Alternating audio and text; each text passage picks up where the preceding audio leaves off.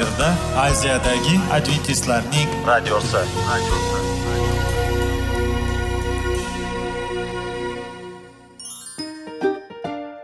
Assalomu alaykum aziz radio tinglovchilar. Sog'liq daqiqasi rubrikasiga xush kelibsiz. Zero tananing sog'lom bo'lishi va uning kasalliklardan saqlash har bir insonning burchi hisoblanadi. Inson uchun bebaho boylik bu sog'liq salomatlikdir. Uni asrash esa har birimizga omonat qilib berilgan. Shuning uchun ham inson o'z sog'lig'ini ehtiyot qilishi voajib amallardan hisoblanadi. Dono xalqimiz sog'liq tuman boylik deb bejiz aytmagan. Aql idroq sohibi bo'lgan inson o'z hayotini qadrlashi lozim bo'ladi. Hozirgi kunda qanchalik dori darmonlar ko'paymasin tibbiy muassa sifati shifokorlar vasiyasi tibbiy texnika yaxshilanmasin. Agar insonning o'z salomatligi haqida qayg'urmasa kutilgan natijaga erishib bo'lmaydi va biz sizlarga bizning dasturimizga xush kelibsiz deymiz.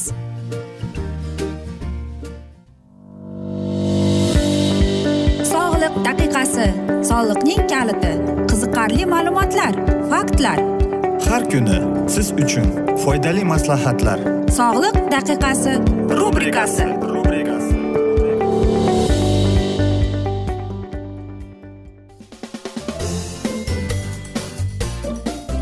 assalomu alaykum aziz radio tinglovchilar. Dasturimizga xush kelibsiz va biz sizlar bilan foydali ichimliklar degan dasturda xushvaqt bo'ling deb aytamiz va bugungi bizning dasturimizning mavzusi bu gepatit c va b deb ataladi. Albatta biz mana shunday kasallikni eshitganimizda qo'rqamiz. E, lekin bugungi bizning dasturimiz sizlarning savollaringizga javob beradi deb umid qilamiz. Qarangki bir necha yil avval surunkali gepatit c davosi yo'q xastalik hisoblanar edi. Mavjud e, dori vositalari hammaga ham yordam bermas. Davo kursini o'tishga qaror qilganlarning aksariyati esa salbiy asoratlar tufayli uni oxirigacha yetkaza e, olmas edi. Biroq hozirgi yillarda virusdan og'riqsiz va ehtimol uch oy ichida qutulish imkonini beruvchi yangi vositalar paydo bo'ldi. Shunga qaramasdan ko'pchilik odamlar gepatit c dan aziyat chekishda davom etmoqda. Kimdir bu kasallikka chalinganidan bexabar. Kimdir davolash kursi taxminan kichikroq shahardagi bir xonali uyning narxi bilan teng ekanligi uchun e, mana shu nega gepatit c har bir kishi yodda tutishi va ushbu tashxis qo'yilganda qanday yo'l tutishi lozim kerak? Mana shunday haqida. Gepatit c aniq statistikasi yo'q. Jiddiy xastaliklardan biri hisoblanadi. Uni stomatologda yuqtirib olish mumkin.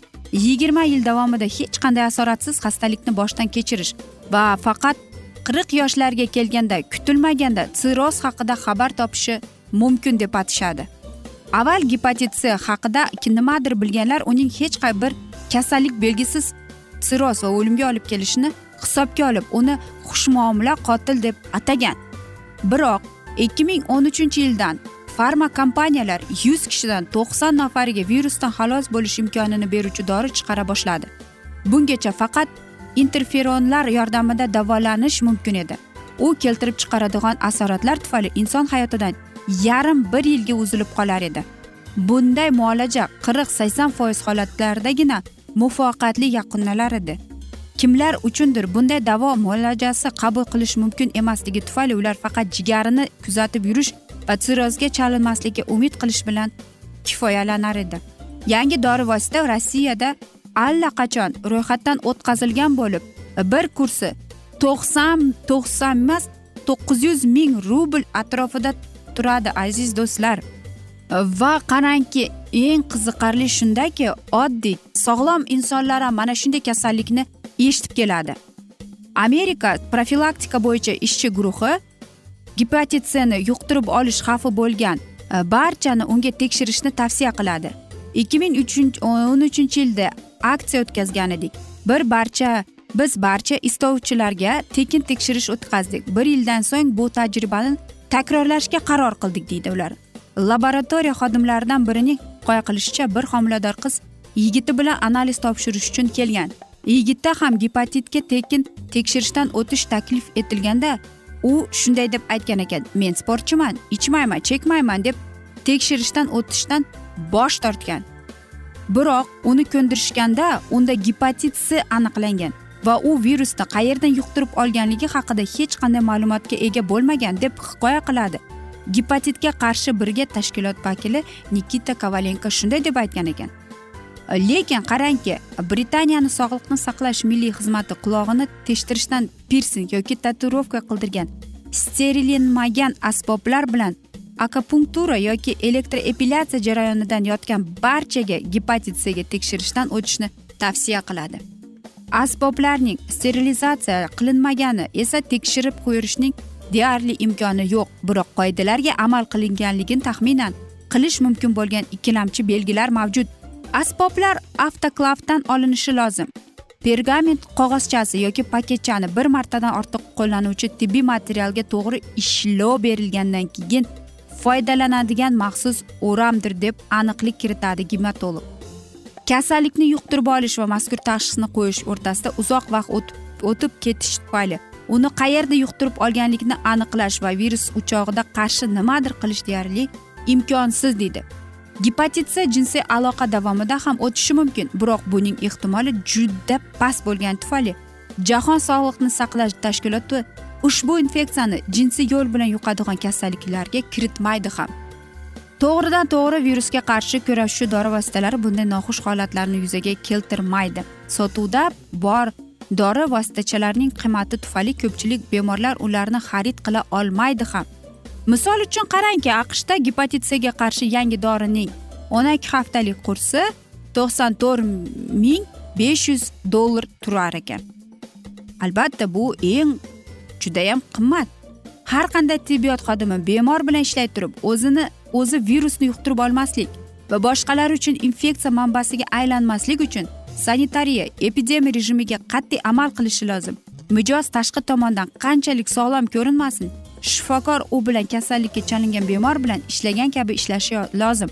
Axir haqiqatdan ham gepatit cga chalingandan bexabar millionlab odamlar mavjud. Aziz do'stlar aytmoqchimizki e, siz mana shunday gepatitlarni yuqtirmasligingiz uchun bir marta одноразовый shprits bilan qo'llaning. O'zingizning gigiyena ya'ni soqol olgich e, preparatlaringizni ham e, bir marta ishlatdingizmi tashlab yuboring qon quydimi albatta siz bunga hech kim bunga kafolat bermaydi ham. Tatuirovka pirsing qilishdan oldin yaxshilab o'ylanib ko'ring. Jinsiy aloqani ham yaxshilab o'ylanib ko'ring deb maslahat beramiz. Biz esa aziz do'stlar mana shunday asnoda bugungi dasturimizni afsuski yakunlab qolamiz chunki dasturimizga vaqt birozgina chetlatilgani sababli. Lekin keyingi dasturlarda albatta mana shu mavzuni yana o'qib eshittiramiz. Va sizlarda savollar tug'ilgan bo'lsa biz sizlarni salomat klub internet saytimizga taklif qilamiz. Va biz umid qilamizki siz bizni tark etmaysiz deb chunki oldinda bundanda qiziq va foydali dasturlar kutib kelmoqda. Biz sizlarga va oilangizga sog'lik salomatlik tilab o'zingizni va yaqinlaringizni ehtiyot qiling deb xayrlashib qolamiz.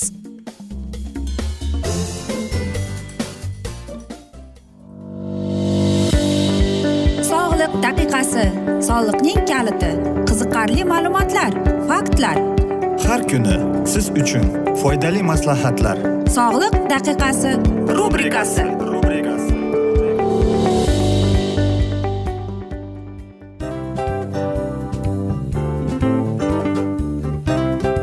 Mana ha hayotda hamma narsaning yaxshi narsalar tugaydi va yakunlaydi degandek bizning dasturimizga ham yakun keldi. O'ylaymanki bizning dasturimiz sizga foydali bo'ldi deb aziz radio tinglovchimiz. Va siz o'zingiz uchun kerakli xulosalar kerakli maslahatlar olib oldingiz.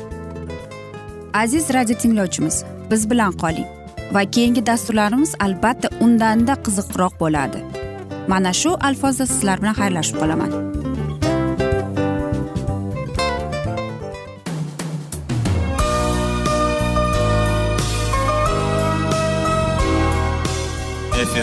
Aziyadagi adventistlarning radiosi.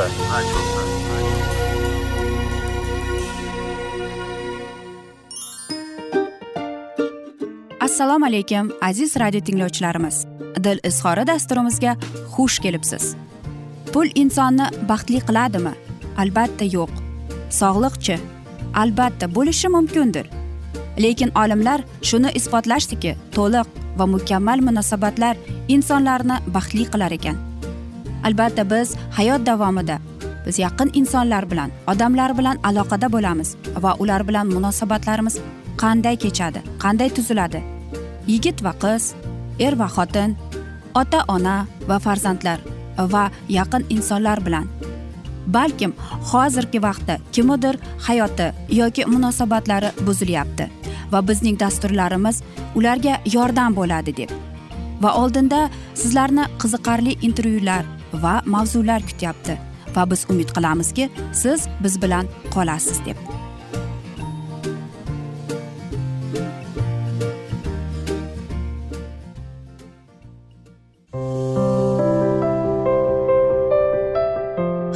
Har har xil kasbdagi odamlar bilan sirlashish va bo'lishish.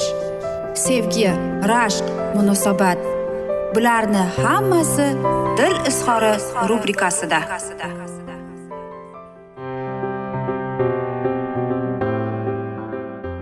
Assalomu alaykum aziz radio tinglovchilar. Dasturimizga xush kelibsiz. Va biz sizlar bilan erkaklar marsdan ayollar veneradan degan dasturda xushvaqt bo'ling deb aytamiz. Va bugungi bizning dasturimizning mavzusi diqqat markazida bo'lishni yoqtirasizmi yoki panaroqda yurishnimi deb nomlanadi. Aytingchi katta davralarda o'zingizni bemalol his etasizmi yoki shu yerda kelganimdan ko'ra uyda qolganim yaxshi edi deydiganlardanmisiz afsuski men mana shundaylardanman.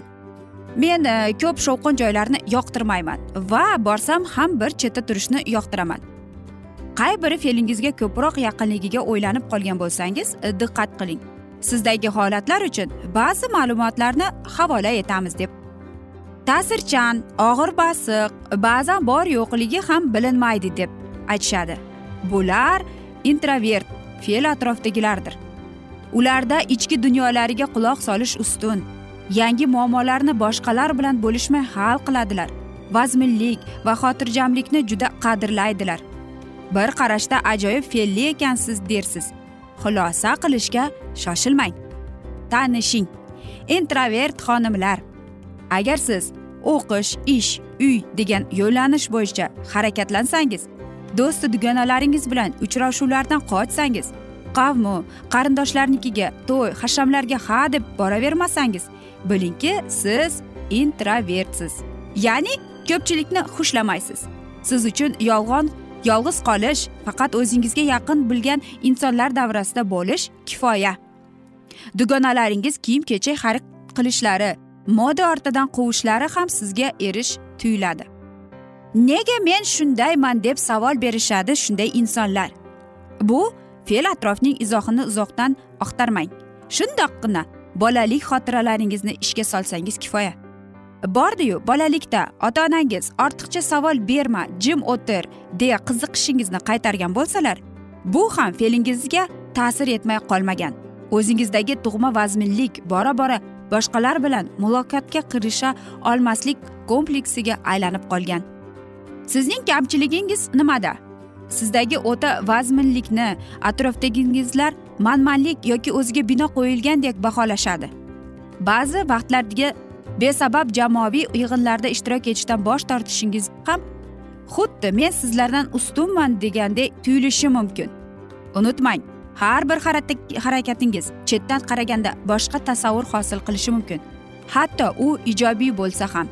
Yutug'ingiz fe'lingizga vazminlik bo'lgani uchun ham biror bir qabul qilishdan avval yetti o'lchab bir kesishni afzal bilasiz. Barakalla mana shu fe'l atrofingiz sabab fikringiz aniqroq va uzoqni ko'zlagan bo'ladi. Bu sizning yutug'ingiz. Maslahat agar bu borada sal bo'lsada o'zgarishni istasangiz fe'lingizning aksi bo'lgan hamroh toping. Ana o'shanda vazminligingiz bilan ko'pchilik orasida noqulaylikni sezmaysiz. Aytaylik oilada turmush o'rtog'ingiz fe'l atrofi sizning aksingiz bo'lsa demak undan nimalardir olishingiz mumkin. Xushmuomala faol xushchaqchaq ammo ba'zida asabiy.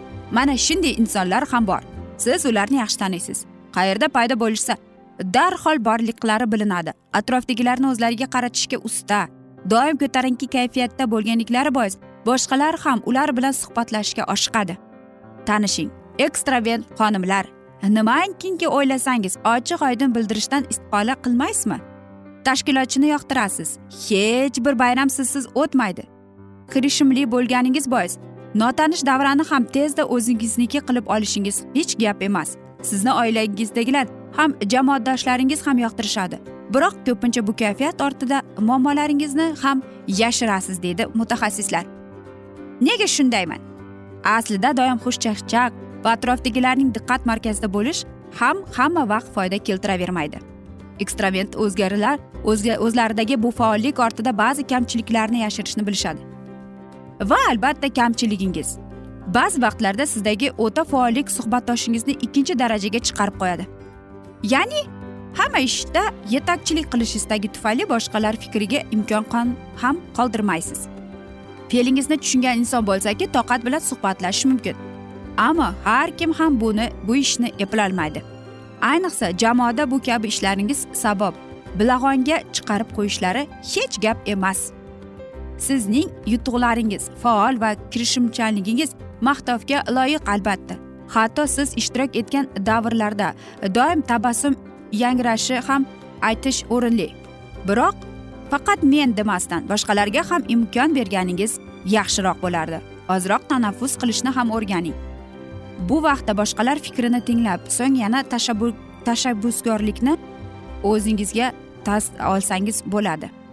Ekstravent xarakter sohiblariga doim talab kuchli. Axir ijobiy quvvat ushlaydigan inson har qanday jamoaga kerakda. Ammo yoningizda introvert hamrohingiz bo'lsa kerakli vaqtlarda maslahatlaringizni ayamay sizga to'g'ri yo'l ko'rsatadi. Ekstravent va introvert fe'l. Ko'pchilikda unisi ham bunisi ham bo'ladi. Faqat kimgadir faollik ko'proq bo'lsa kimdadir vazminlik yetakchi. Biroq borim shu demasdan o'zingizdagi yaxshi fazilatlarni yanada yuzaga chiqarish ustida ishlab kamchiliklaringizni bartaraf etishga harakat qilsangiz hayotda ko'p yutuqlarga erishishingiz mumkin. Mana shunday aziz xonimlar sizlarga birozgina maslahatlar berib o'tdik va qay biri siz uni faqatgina siz bilasiz. Biz esa hamma yaxshi narsaning ham yakuni bo'ladi degandek bugungi dasturimizga afsuski yakun kelib qoldi chunki vaqt birozgina chetlatilgani sababli lekin keyingi dasturlarda albatta mana shu mavzuni yana o'qib eshittiramiz. Aziz do'stlar va biz umid qilamizki siz bizni tark etmaysiz deb chunki oldinda bundanda qiziq bundanda foydali dasturlar kutib kelmoqda sizni. Va albatta biz sizlarga va oilangizga tinchlik totuvlik sog'lik salomatlik tilab va albatta o'zingizni va yaqinlaringizni ehtiyot qiling deb. Va aziz do'stlar aziz radio tinglovchilar seving seviling deb xayrlashib qolamiz.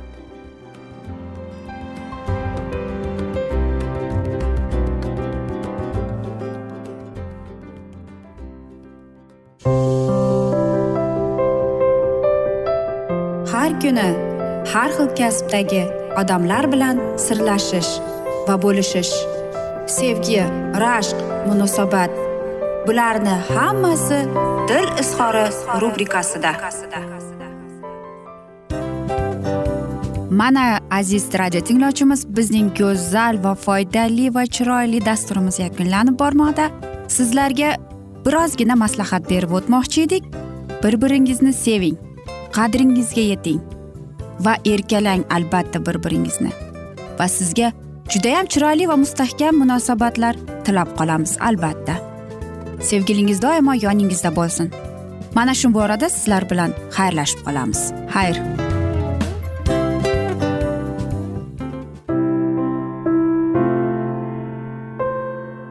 Hayotning noni.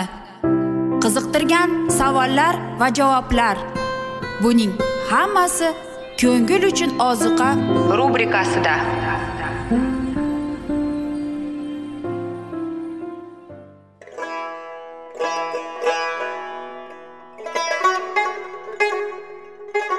Assalomu alaykum aziz radio tinglovchilarimiz.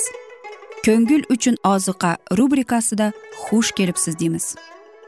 Siz haqiqatni izlayapsizmi? Olamnimi? Umidnimi? Siz kimga murojaat qilmoqchisiz? Odamlar ko'pincha siyosat kuchiga tayanadilar.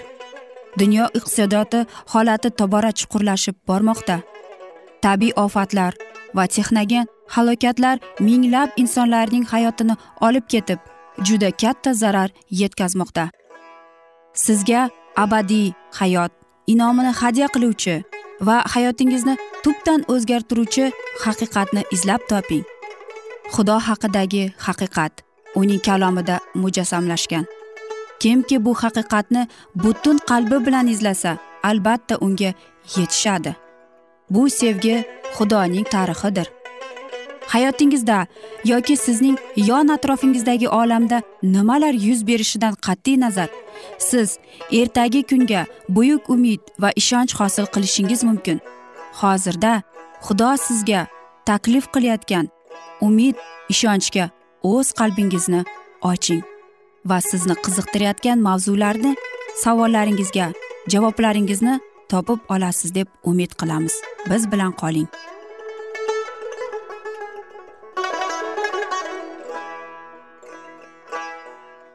Assalomu alaykum aziz radio tinglovchilar. Dasturimizga xush kelibsiz va biz sizlar bilan ulug' kurash degan kitobni o'qib eshittirishni boshlagan edik va bugungi bizning dasturimizning mavzusi vijdon erkinligi xavf ostida deb nomlanadi va biz sizlar bilan o'tgan galgi mavzuni bugun yana davom ettiramiz. Bizning avlod fan axloq va din sohalarida ulug' nurlardan bahramand bo'lganini hech kim rad etolmaydi xudoning muqaddas kalomi sahifalaridan olamga samoviy nur oqimi quyildi. Ammo hech qachon shuni unutmaslik kerak. Nur tobora yorqinroq bo'lgani sari nurni buzib ko'rsatgan va rad qilganlar uchun shunchalik tim qorong'ilik bo'ladi. Agar protestantlar ibodat bilan muqaddas kitobni ich ichiga kirib o'rganganlarida edi papachilikning haqiqiy xarakterini ko'rgan bo'lardilar va undan nafrat bilan uzoqlashgan bo'lardilar.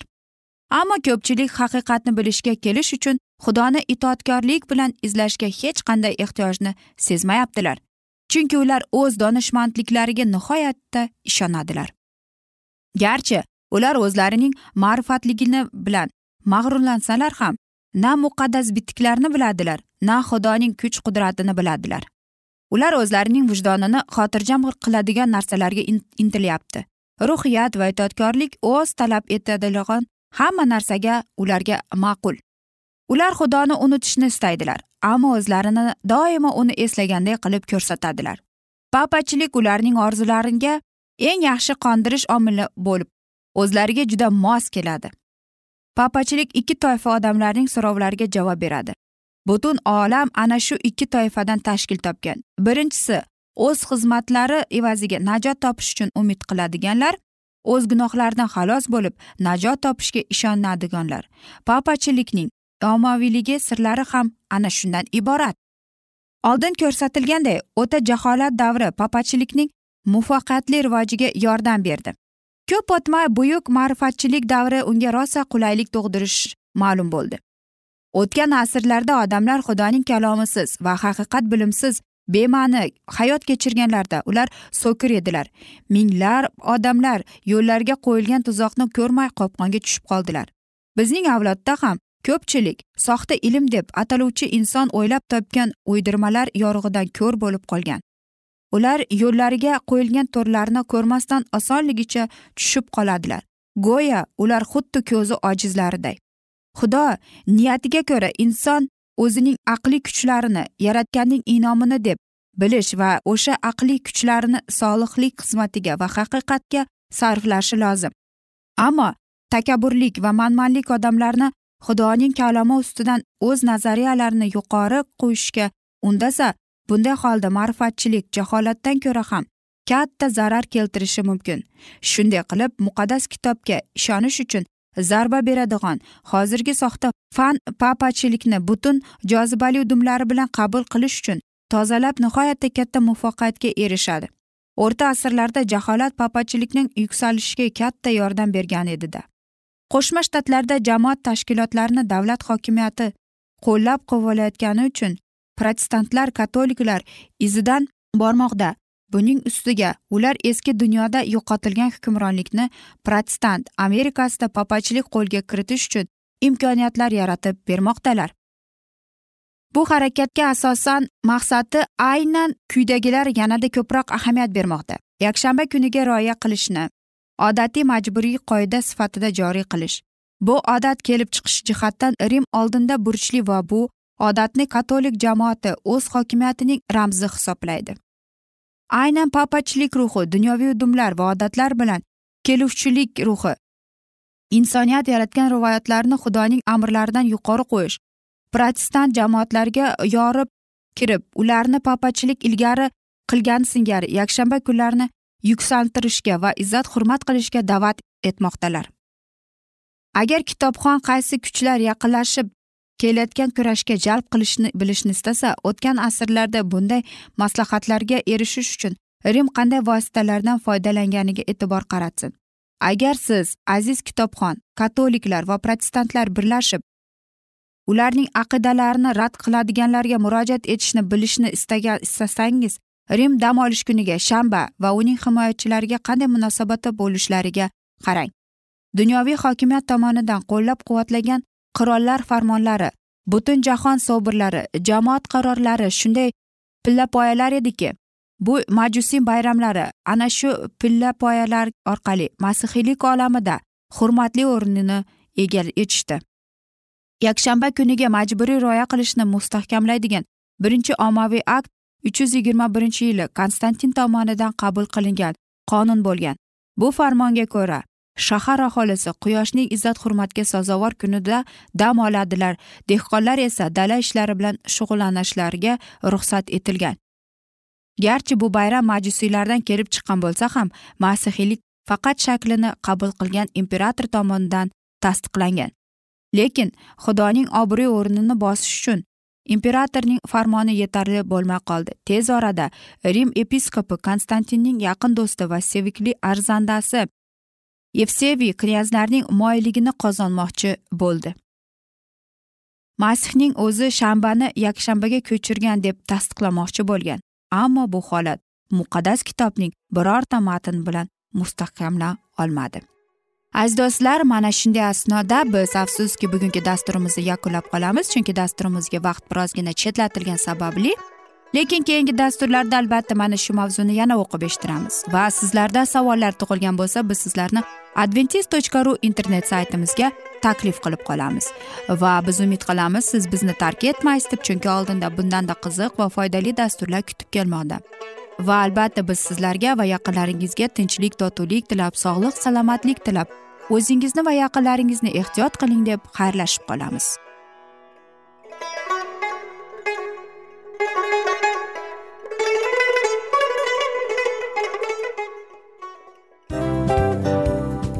Afsus afsus.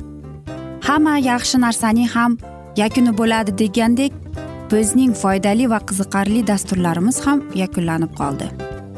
Va men umid qilamanki bizning dasturlar sizga ozgina bo'lsada maslahat berdi foyda berdi. Va sog'liq borasida ayniqsa sizlarga foydali bo'ldi deb. Va siz bizning maslahatlarga amal qilasiz deb. Albatta keyingi dasturlarda undanda qiziqroq undanda foydaliroq ma'lumot berishga harakat qilamiz. Undanda qiziqroq ko'rsatuvlar sizlarga hadya etishga harakat qilamiz. Bizni tanlaganingizga albatta sizlardan minnatdormiz. Sizlarga baxt omad va sog'liq tilab qolgan holda mana shu alfozda sizlar bilan xayrlashib qolamiz. O'zingizni ehtiyot qiling sog' bo'ling omad sizga xayr.